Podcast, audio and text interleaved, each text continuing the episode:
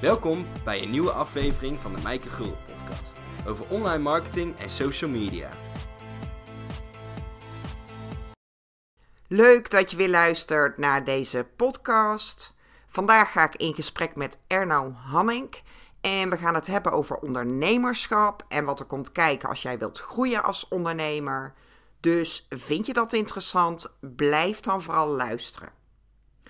Welkom Erno en superleuk dat jij je kennis wilt delen in mijn podcast.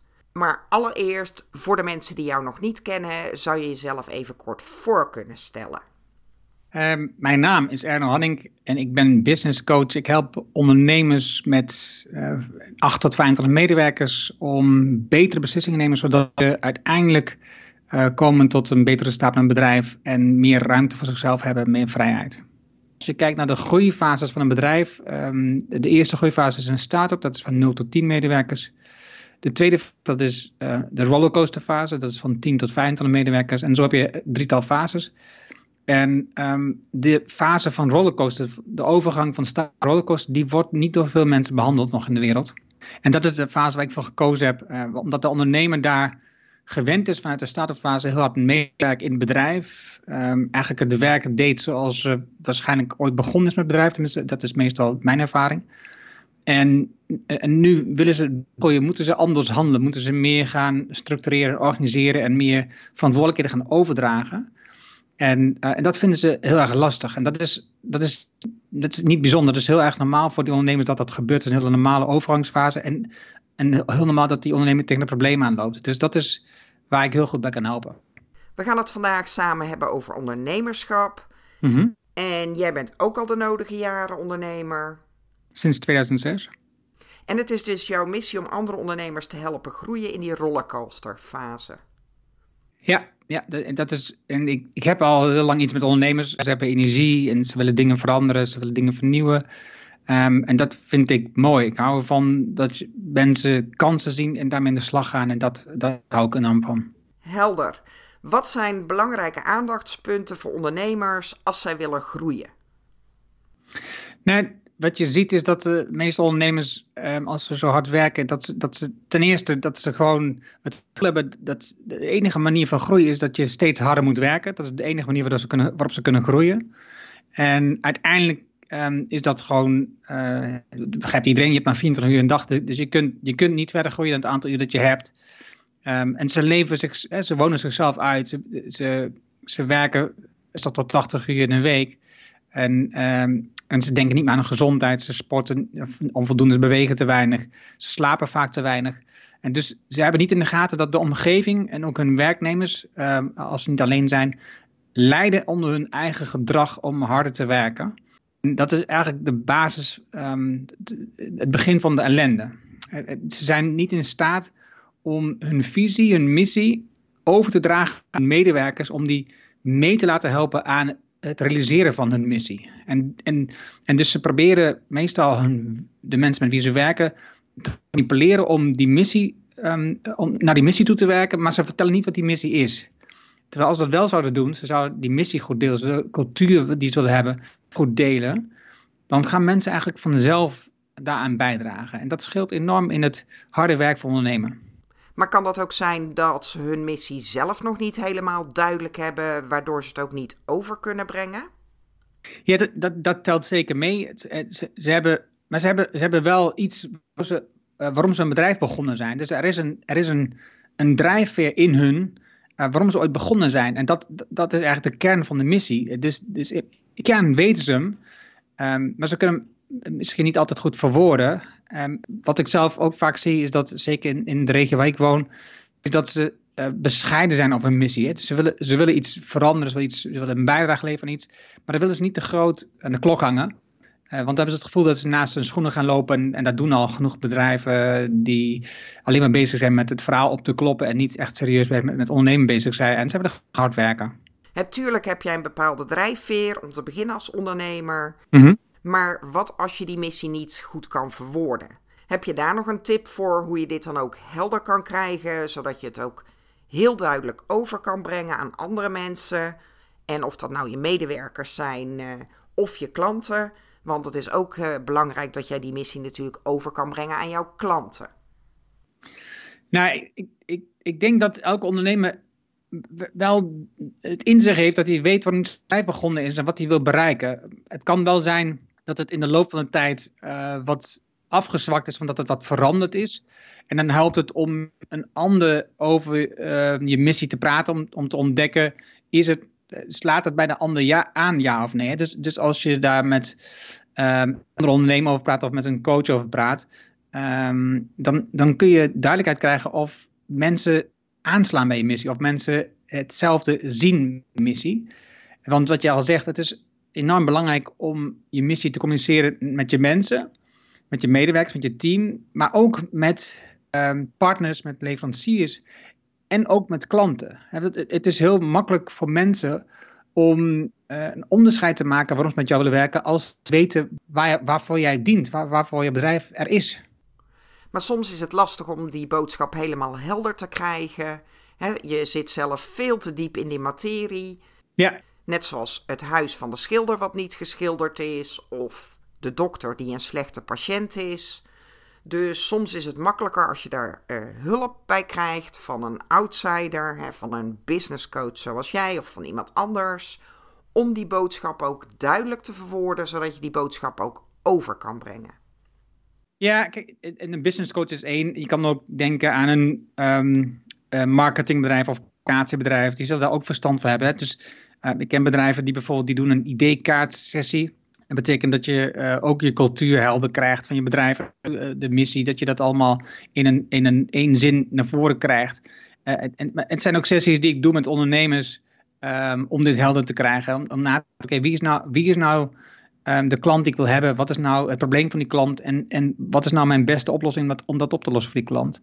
En dat geeft vaak al heel veel inzichten om dat op een bepaalde manier te verwoorden, waardoor het bij de klant meer aanspreekt, um, dan dat ze het zelf uh, zeggen. En dat, nou ja, ik heb er gisteren een workshop gedaan uh, online met een aantal stadsondernemers. Het helpt enorm om het, om het te zien vanuit de klant in plaats van vanuit jezelf, vanuit de oplossing te bedenken. Ja, dat is super belangrijk om je echt continu te verplaatsen in jouw ideale klant.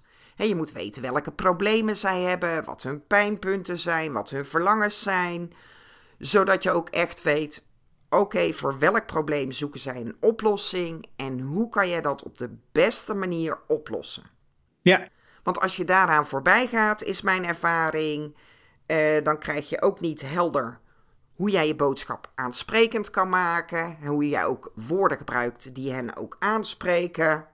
Maar ook hoe jij een aanbod kan ontwikkelen wat ze willen kopen. Of welke content je überhaupt kan delen. Mm Eens. En dat is ook een hele lastige om die missie of marketingboodschap helder te krijgen. Maar ook om heel duidelijk in kaart te brengen wie jouw ideale klant nou is. Hè, welke problemen zij hebben, wat hun pijnpunten zijn, wat hun verlangens zijn. Heb je daar nog een tip voor? Hoe je dat in kaart brengt, wie jouw ideale klant is? Oké, uh, dit is een ding waar ik heel veel klanten mee heb geholpen. En wat ik nu ook weer meer doe, is uh, wat ik noem hyperspecialisatie. En dat, dat je niet kijkt naar een doelgroep, maar dat je kijkt naar een doelklant. En een doelklant is de klant waar jij het allerliefst mee werkt. En dat is ook niet um, dus een imaginaire klant, dat is een staande klant waarmee, waarmee je gewoon werkt op dit moment, of mee gewerkt hebt. En als je meer van dat soort klanten hebt, dan zou je heel erg gelukkig zijn. En wat je dan doet is um, die klant ook benoemen. En dus niet omschrijven, niet een bedrijfsnaam, niet de, niet de functienaam, maar gewoon de naam van die persoon in je hoofd houden. Ga je kijken, oké, wat is nou het grootste probleem van die klant, van mijn doelklant? En het liefst in de woorden van de klant. En als je dat nog weet uit het eerste gesprek waarvoor ze bij zijn, dan helpt dat enorm. Weet je het niet, dan kun je het alsnog gaan vragen aan die klant. En daarom kies ik ook voor een doelklant en niet een doelgroep. Want met een doelklant kun je gewoon in gesprek gaan.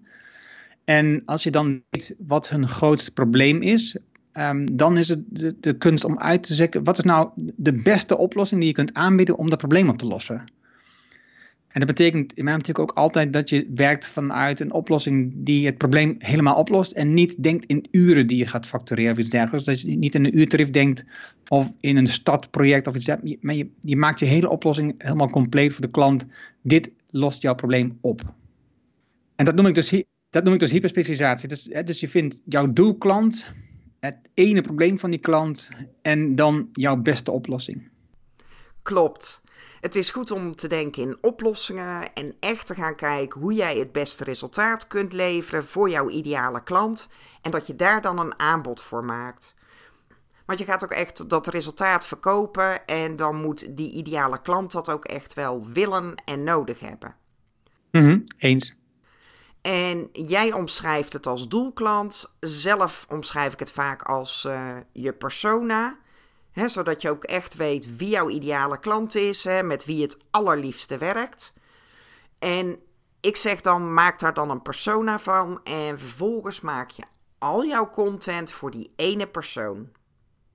Ja, en voor mij betekent een persona meestal dat het, dat het een imaginair iets wordt voor de, voor de mensen waarmee ik werk. En dat is niet wat ik wil. Ik wil dat de, de klant in, voor ogen hebben die, die, die echt bestaat. Ja. Want dat maakt het denkproces voor de meeste mensen een stuk eenvoudiger. Maar, maar persona is een beetje vergelijkbaar. Wat je wil is dat je gewoon in je communicatie uh, de tekst richt op één, op één persoon, op één doelklant. Want als je dat probeert te doen op vier of vijf, wat veel mensen doen, en die zeggen, ja, maar ik wil die en die en die, of die of die kan ik helpen.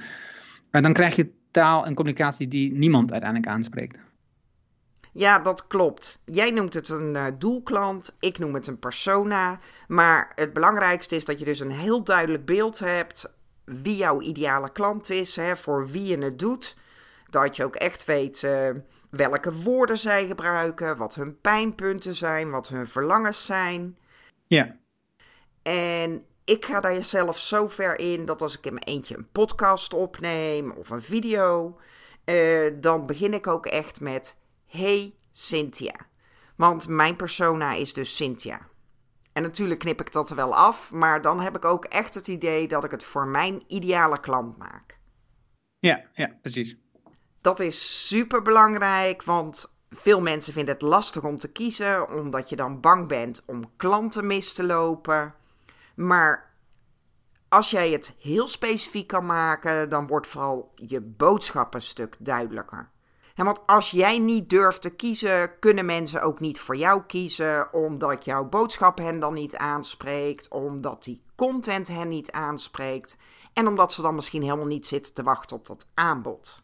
Mensen voelen zich dan helemaal niet aangesproken. Ja, dat is, dat is het punt wat je zegt. Dat, dat gebeurt enorm veel. Als, we, als ik met de klanten aan de slag ga, of in, met mensen aan de slag ga, dan zie je dat de, die angst altijd opspeelt. Hè? Dus er is altijd wel één van de deelnemers die zegt, maar dat betekent dat ik waarschijnlijk heel veel mensen ga missen. Of dat, dat ik me erg zorgen maak over het feit dat ik niet genoeg omzet uit kan halen. En, maar het, is eigenlijk andersom. Op het moment hoe groter je um, die doelgroep maakt, hoe breder je maakt, hoe groter de kans dat je niemand bereikt. Dus, dus, en dat is wat je niet wil. Je wil gewoon dat je heel gemakkelijk uiteindelijk um, de mensen aanspreekt die je wilt helpen. En hoe kleiner je dat maakt, hoe makkelijker dat wordt. Klopt. Een angst die veel mensen hebben is dus die angst om te kiezen. En merk jij bij jouw klanten nog meer angsten?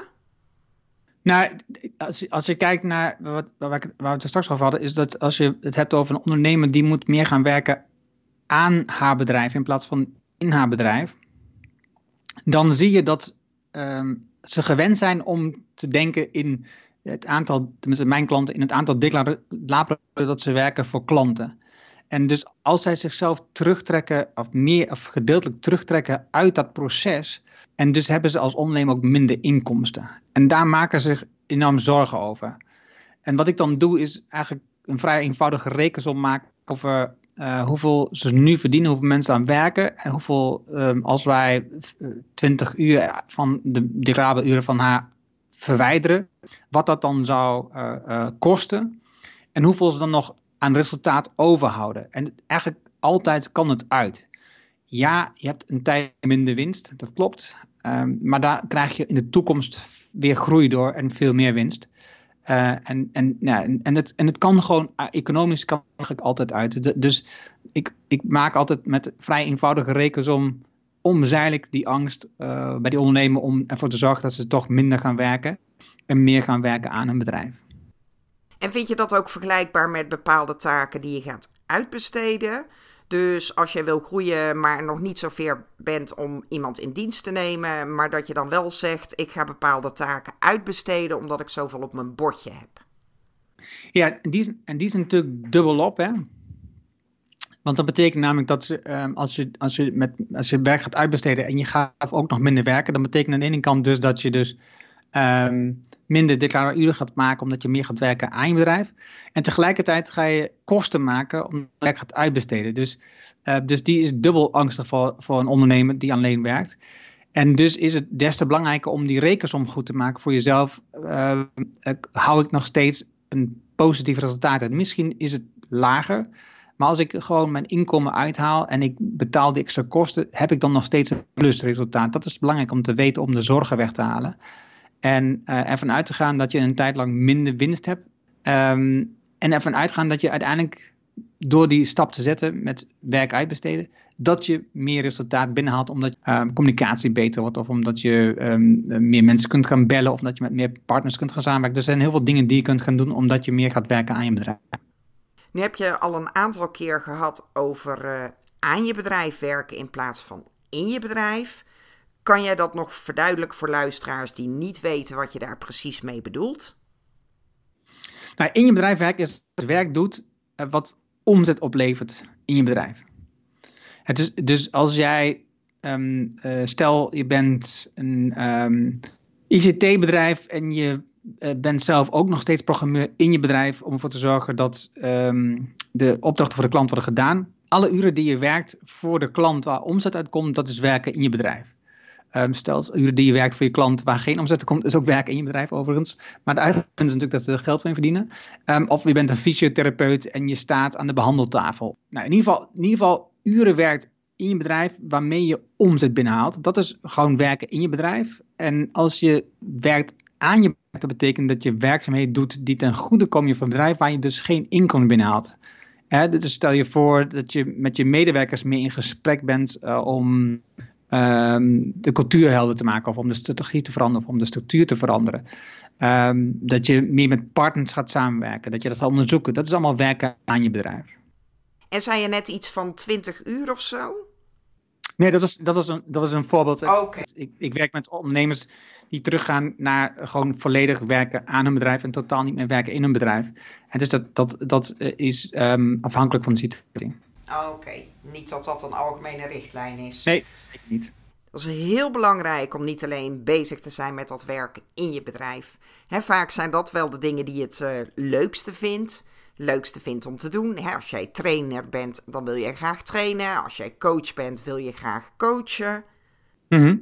Maar het is natuurlijk ook heel belangrijk dat jij aandacht besteedt aan die andere werkzaamheden. En voor mij persoonlijk dus, omdat dat natuurlijk mijn vak is, vind ik ook marketing heel erg belangrijk. He, want als mensen niet van jouw bestaan af weten, kunnen ze natuurlijk ook helemaal niet voor jou kiezen. Uh, wat zijn volgens jou dan uh, belangrijke werkzaamheden waar je aandacht aan moet besteden als je aan je bedrijf werkt? Ja, het, het eerste is, waar we het net over hadden, is dat je de missie veel meer gaat communiceren. Dat je veel meer naar buiten gaat communiceren. Wat is het waarom wij hier zijn, waarom we dit doen. Um, met, je, met de mensen met wie je samenwerkt, maar ook met klanten. Het tweede is dat je ervoor zorgt dat um, je klanten gaat werken. Uh, dat zie je dat het bij veel ondernemers uh, bij inschiet. Hè. Dus ik, als je wat klein bent, dan heb je geen aparte verkoper vaak in dienst. Uh, en ben jij als ondernemer de persoon die de verkoop doet. En als je dus heel hard meewerkt in je bedrijf, dan heb je daar eigenlijk vaak geen tijd voor. En als je meer gaat werken aan je bedrijf, dan is het dus ook ruimte maken voor meer gesprekken met contacten, relaties en met potentiële klanten. En de, ten derde is het dat je meer gaat um, praten met je werknemers. En, en dus de cultuur van je organisatie um, organiseert en beter vormgeeft. En met mensen gesprek hebt waar ze nog kunnen groeien. Met mensen gesprek hebben over te zorgen dat ze niet gaan. Of met mensen, uh, met potentiële nieuwe werknemers gesprek hebt. Om zorgen dat, zij, dat je nieuwe aanwas krijgt. En dus alles aan doen om ervoor te zorgen dat je de juiste mensen op de juiste plek hebt. En dat je de mensen die er zitten goed ontwikkelt. En dat zijn de drie elementen waar je aan moet werken vooral. Ja, helder. Um, nou ben ik zelf heel erg uh, van het tweede punt wat je zei natuurlijk. Hè? Van, mm -hmm. uh, zorgt ook dat je met mensen connecties maakt, verbindingen maakt, jezelf online zichtbaar maakt. Mm -hmm. um, heb jij daar nog tips voor? Want ik zie eh, jou ook op eh, heel veel platformen voorbij komen. Ja, en kijk, het grappige is, jij zit natuurlijk volop in het online stuk. Ja. En voor ons is dit, is dit heel natuurlijk om te doen en wij vinden het super fijn om te doen.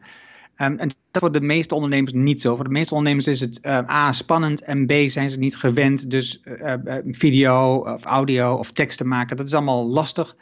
Want dan gaan mensen er iets van vinden. En dat is ook helemaal waar. Maar in het begin, als je het doet, ziet niemand het. Hè? Dan heb je heel weinig volgers, dan ziet niemand het nog.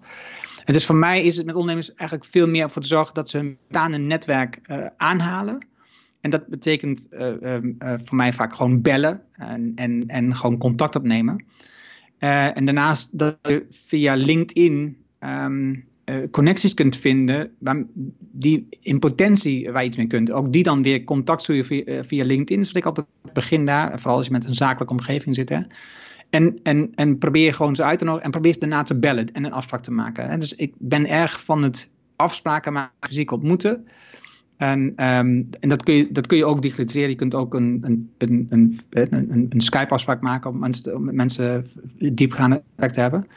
Maar wat je wil is dat je gewoon die, die, die potentiële klant veel beter leert kennen. En dus over um, heel hard marketing doen online, daar, daar heb ik het in het begin nog niet eens over. Omdat het, omdat dat dan nog weer een stap te ver is eigenlijk vaak. Ja.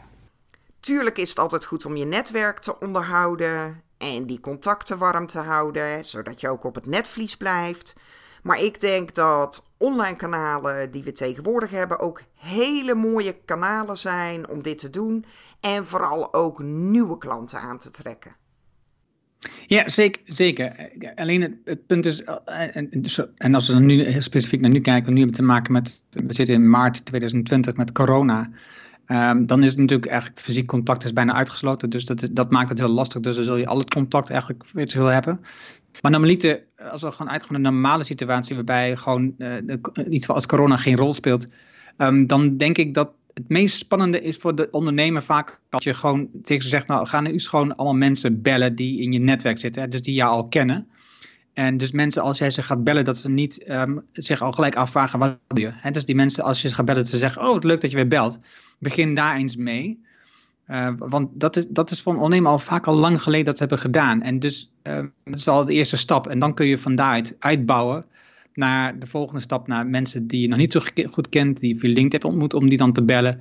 En daarna kun je kijken, oké, okay, dan de volgende stap zou kunnen zijn, oké, okay, ik ga mensen echt ontmoeten via online. Ja, maar dan geef jij jouw klanten dus dat als tip van begin eerst eens met dat bellen. Ja. En dan neem ik aan dat je ze ook wel wat handvaten meegeeft uh, wat ze dan in dat gesprek gaan vertellen. Nee, dat is het hele punt. Um, uh, ik, ik draag ze altijd op om niet zoveel te vertellen. om het te luisteren. dus wat ik altijd zeg is, stel heel veel vragen. Hè. Dus de, de, die, die, persoon, je belt die persoon en er zijn twee dingen die je eigenlijk wilt. Is, is, je wilt heel graag een afspraak. Dat is, dat is het belangrijkste wat je wilt bereiken. En, dat is, en als je iemand kent, dan is dat ook niet zo moeilijk. Hè. Dus dan kun je heel gewoon zeggen, god, leuk dat we spreken. Goed om weer te horen. En die anderen zijn vaak ook enthousiast. Um, zullen we een keer bijpraten? En meestal, meestal zeggen ze dan gewoon ja. Het, dat klinkt voor veel mensen heel vreemd, maar meestal zeggen ze dan gewoon: ja, dat is prima. vind ik wel leuk om een keer ietsje bij te praten. En, um, en als je dan dat, dat gesprek hebt, om dat dan even door te gaan, je, hebt, een gesprek met die mensen, je zit dan een uurtje met die mensen te praten. En dan is mijn opdracht aan mijn klant van, oké, en, en, en stel alleen maar vragen. En dus, dus ga, niet, ga niet jouw verhaal zitten, ga niet zitten vertellen welk nieuw product je al hebt, wat je al bedacht hebt. Ga alleen maar vragen stellen over wat zijn de ontwikkelingen bij de klant, waar zijn ze mee bezig, waar lopen ze tegenaan, wat gaat goed, waar hebben ze het af ja, bereikt, waar, wat ging niet zo goed, waar hebben ze ontdekt. Wat, dus alleen maar vragen stellen. En in de laatste vijf tot tien minuten, dan kun je iets vertellen over wat de ontwikkelingen bij jouw bedrijf zijn en waar jij mee bezig bent. En dan kun je aan hun vragen, en kan ik je ergens bij helpen? Ja.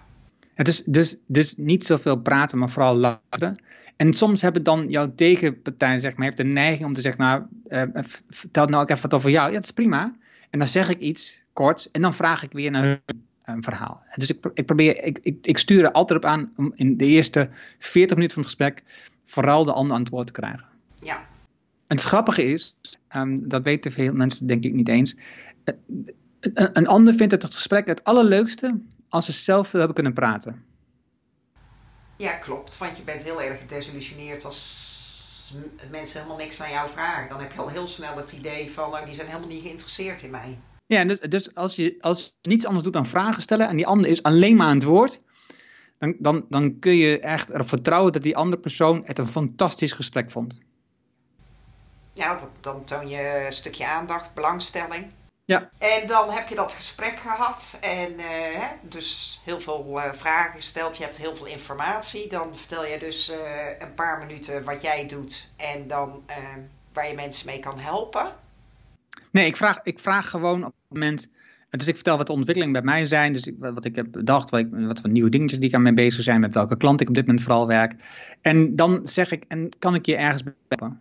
En wat is dan de volgende stap? Want dan kan iemand ja zeggen of iemand kan nee zeggen. Ja, als, als ze ja zeggen, nou, dan, dan is er vaak op dat moment een, een van die persoon, hoe die ziet, hoe, die, hoe, hoe, jij, hoe ik daarbij zou kunnen helpen. En dan kun je daarop ingaan. Als ze nee zeggen, nou, dat is natuurlijk ook heel goed mogelijk. Ja, nee, nu niet, ik zie niks. Dan, dan heb ik nog een vraag, dan, stel ik, dan zeg ik, oké, um, je hebt net gehoord wat ik doe. Weet je iemand die mijn hulp hard nodig heeft? En levert dat wat op? Ja, als, als het goed is wel.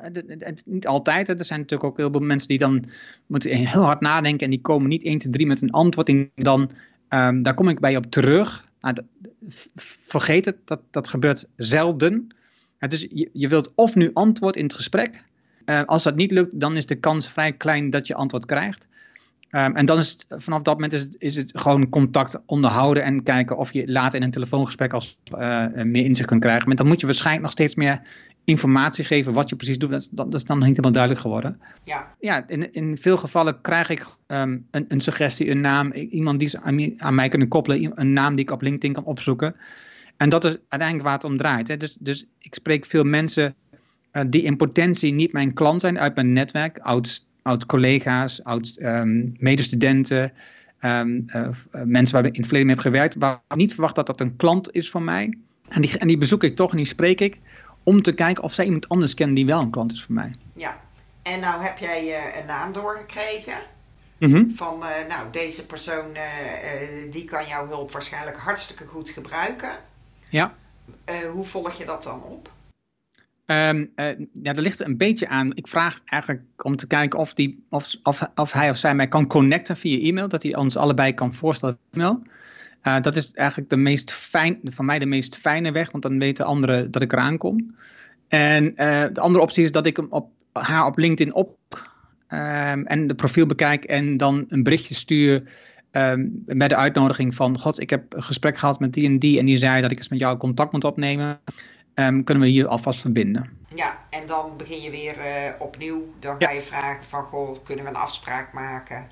Nou, dat, die is dan in het begin even wat lastiger om gelijk een afspraak te maken. Dus dan uh, probeer ik gewoon um, met af en toe een berichtje sturen of een linkje of iets te vragen om het contact warmer te maken dan alleen maar die eerste afspraak. Ja, is dat ook de reden de, uh, of jouw belangrijkste uh, doel van social media?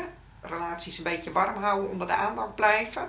Ja, ja dat denk ik wel. Kijk, en, en in principe vind ik mezelf alleen, um, social media is voor mij alleen LinkedIn. Ik zie jou ook heel actief op Twitter.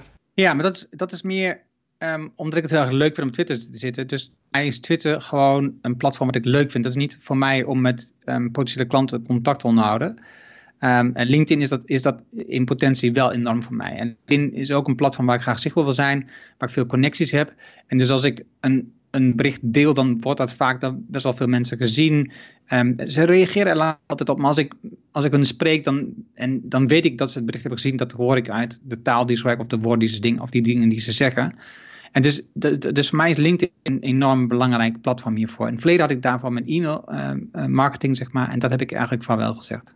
Oh, dat verbaast me dan een beetje. Ja, ja dat is, dat is um, uh, eenvoudig kijk, als ik naar mijn um, e-mail marketing kijk afgelopen twee jaar, ik ben, uh, of nou, laat ik, het, het van de afgelopen tien jaar, zegt misschien beter. Ik ben in 2010, 2008 begonnen met e-mail marketing. En um, in die tijd heb ik allerlei verschillende lijsten opgebouwd, ook in verschillende software systemen. Ik heb heel veel verschillende systemen gehad. En, um, en ik ben ook regelmatig veranderd van onderwerp, van welke klant ik help, wat ik voor die klant doe. Ik heb het in het Engels tijd gedaan, ik heb het met coaches alleen gedaan, ik heb het met zelfstandig professionals gedaan, doe ik het met ondernemers die wat groter zijn. En dus in mijn lijst zit een veelvoud van mensen die um, zich ooit hebben aangemeld. En als ik kijk naar de laatste twee jaar uh, met de klanten die ik nu help, wat ik nu doe voor klanten. En als ik dan zie, dan zijn mijn klanten, nooit die e-mails, die zijn niet geabonneerd. De klanten die ik nu heb. En ook um, de, de klanten die nu binnenkomen, die, die komen nooit via een e-mail. En uh, een paar heb ik besloten, oké, okay, als, ik, als ik dat ik moet daar elke week dus een e-mail voor schrijven voor, de, voor die lijst om hem goed warm te houden. Of je kan dat ook één keer in de twee weken doen. Ja, ik deed het dan elke week. En, um, en dan nog, ook, ook al is het één keer in de twee weken. Um, en het is gewoon werk. Het is ja. gewoon ergens, ergens moet dat vandaan komen. En um, de open rate was op zichzelf wel goed, uh, iets van uh, 30% of zo. En, um, maar de clickrate is, is, ja, was schamel, dat is dan 1, 2% of misschien 2,4%. Wie zegt, dan houdt het op. En ja, dat, is, dat is op zichzelf niet slecht, maar dat is, als je erover nadenkt, is het triest. Hè? Je stuurt uh, duizend mails de deur uit en 24 mensen die klikken op een link um, door om, om een artikel te lezen of om, om naar een aanbod te kijken of naar een podcast te luisteren. Dat, dat, is, dat is, als je de sec naar kijkt, is het een trieste te, uh, um, conclusie. En dan heb ik besloten, oké, ik stop hier gewoon mee. En, en dan ben ik energie in ieder geval niet meer aan kwijt. En energie die steek ik vooral in LinkedIn. En in mijn eigen lijst die in een spreadsheet gewoon staat. Of in, hè, die zou ik een CRM-systeem kunnen, maar ik heb het op dit moment in een spreadsheet staan. Uh, die ik persoonlijk contact hou met uh, bellen of WhatsApp um, die kaartjes stuurt, die ik mijn boekje stuur. Elke taal maak ik een boekje, dat stuur ik naar hun. En, uh, en dus dan is het, het is meer een fysieke nieuwsbrief, maar dan met een hele beperkte groep. Ja, nee prima, want zo heeft iedereen natuurlijk zijn eigen manier. En LinkedIn is al jaren in Nederland natuurlijk wel heel erg populair, maar het blijft rented land. Dus ik denk, het is heel mooi om die connecties en het is een heel mooi platform, want ik merk ook dat ik de beste resultaten uit LinkedIn haal. En het is natuurlijk zo met de e-mail wat jij zei, je bent daar lang geleden mee begonnen. En tegenwoordig is het veel makkelijker natuurlijk om labeltjes. De techniek wordt steeds beter, dus nu kun je mensen ook makkelijker ja, indelen in bepaalde categorieën. Ja, eens, eens. En, ik, en uh, ik, heb er in, ik heb er in het verleden ontzettend veel baat bij gehad. Ik heb heel veel programma's en um, workshops en webinars en alles verkocht uh, via mijn e-mails. Um, uh, en dus ik heb er ontzettend veel baat bij gehad. Ik heb nooit spijt van gehad. Alleen op een bepaald moment merkte ik dat ik de energie niet meer volop kon en ook niet meer waardevol was om dat te organiseren. En um, ja, dus, dus uh, soms moet je zo'n keus maken. Ja, klopt. En ik ben het met veel dingen met je eens, maar met deze niet. Nee, maar dat mag. Dat is ook, uh, ieder doet het op zijn eigen manier. Ja, dus en als dit werkt is dat helemaal prima. Exact. Voor, mij is, voor mij is het simpel.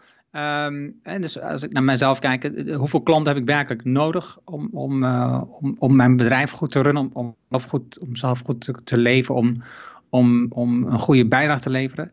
En, uh, en, en die kan ik halen uit een lijst. En ik wil eigenlijk alleen maar klanten krijgen die via, via mijn contact of mijn klanten komen. En, en, ja, en dat, is, dat is de doelstelling die ik heb. Dus ik moet ervoor zorgen dat ik goed werk lever. Uh, kwalitatief goed werk lever.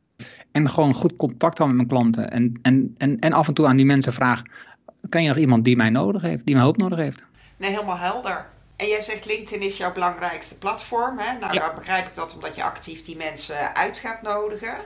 Ja. Maar dat is dan ook jouw belangrijkste platform om uh, content te delen. Klopt. Daar besteed je nog wel energie in, want jij hebt ook een podcast. Ja. Is dat dan ook puur voor een beetje naamsbekendheid op te bouwen of die relaties warm te houden? Nou, ik heb, ik heb een website uh, met toch, en dat doe ik al sinds 2005. Dus er staan meer dan duizend artikelen op. Um, en sinds 2015 uh, met een podcast. En heb ik 240 gesprekken opgenomen en gepubliceerd. De meeste in een interviewvorm met ondernemers. En um, in de laatste paar jaar heb ik eigenlijk het stellen van doelen um, uh, overboord gegooid voor mezelf. Dat is misschien weer zo'n dingetje. En dus, dus niet meer bezig met doelen, uh, met aantallen, met het aantal downloads of iets dergelijks. En voor mij is het veel meer van belang dat als ik een podcast opneem, is dat als ik gast die ik uitnodig, dat, dat ik daar iets van kan leren. Dat, dat, dat, dat ik daar wijzer van word en dat ik die kennis kan delen met anderen. En dus als ik een podcastgast uitnodigen waar ik kennis van kan halen die um, interessant is voor de ondernemers in de rollercoasterfase. En dat is een heel egoïstische um, uh, gedachte natuurlijk.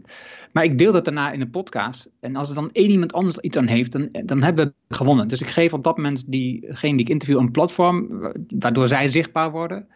En, um, en als ik iets leer en, ik, en één iemand anders leert, is dan, nou, dan ben ik al helemaal gelukkig. Ja, nee, maar dat geldt voor mij hetzelfde hoor. Ja. Dat ik denk, ik vind het ook altijd leuk, uh, en dat geldt voor podcasts, voor netwerk, voor allerlei dingen. Het is altijd leuk als je er zelf ook iets van leert. Ja, het is de, dus de podcast is voor mij niet um, dat ik daar de gedachte heb of de droom heb dat daar klanten uitkomen.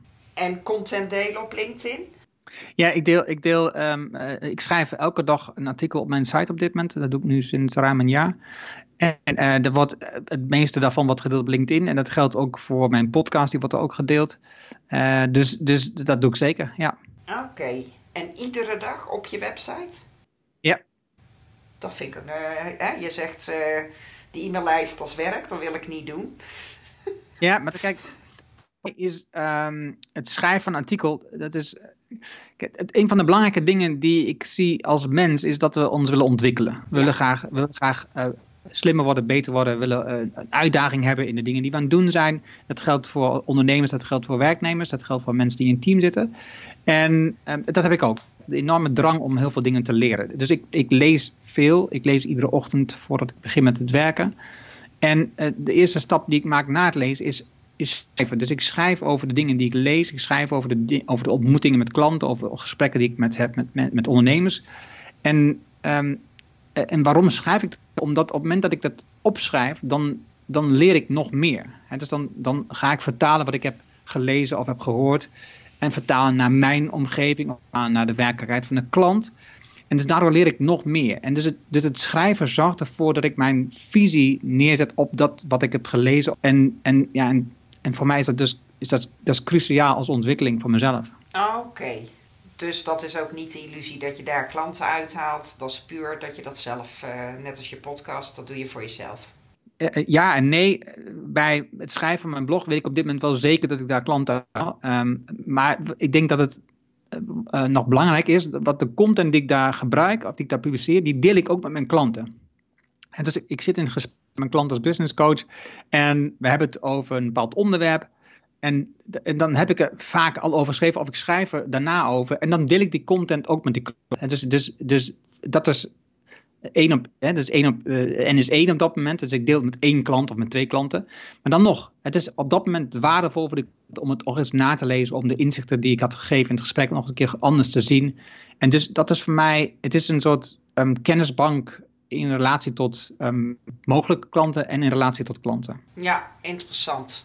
En wel petje af hoor, dat je dat uh, presteert om dat dagelijks te doen. Het is een ritme. Ja, en het, klopt. Het is, het, dus je maakt een keuze om dit te doen. En dan is het niet meer um, uh, bewonderenswaardig eigenlijk. het, gewoon, het is gewoon, ik begin met lezen en daarna ga ik schrijven. En dat is, dat is een vast ritme. Ja, dus, dus als ik opsta, dan, uh, dan ik, ik, ik ga eigenlijk gelijk naar mijn kantoor, dat is in huis. En, en ik ga eerst lezen. En daarna ga ik schrijven. En in mijn, mijn, mijn bureau, dat, daar staat dan mijn tablet op met, met het keyboard. En um, uh, ik zet mijn aan met mijn koptelefoon op. En dat is eigenlijk het vaste, de vaste handelingen.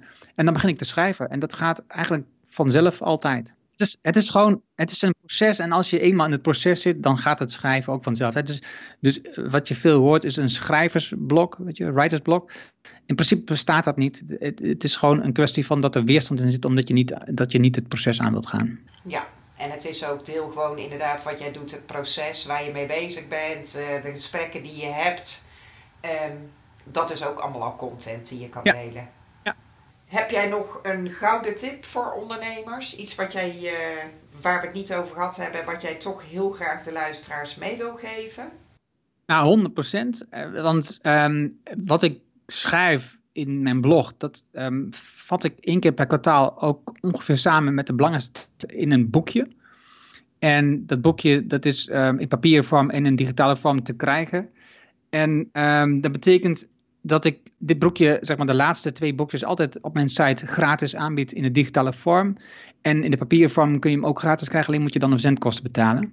En dus als je ernohanning.nl slash boeken gaat, ernohanning.nl slash boeken, dan um, zie je ze de laatste twee altijd daar staan. En, uh, en, die, en die gaan altijd over als ondernemer betere beslissingen neemt. Mijn nieuwste gaat over gewoontes en het boek daarvoor gaat over focus. Dus hoe hou je als ondernemer de focus?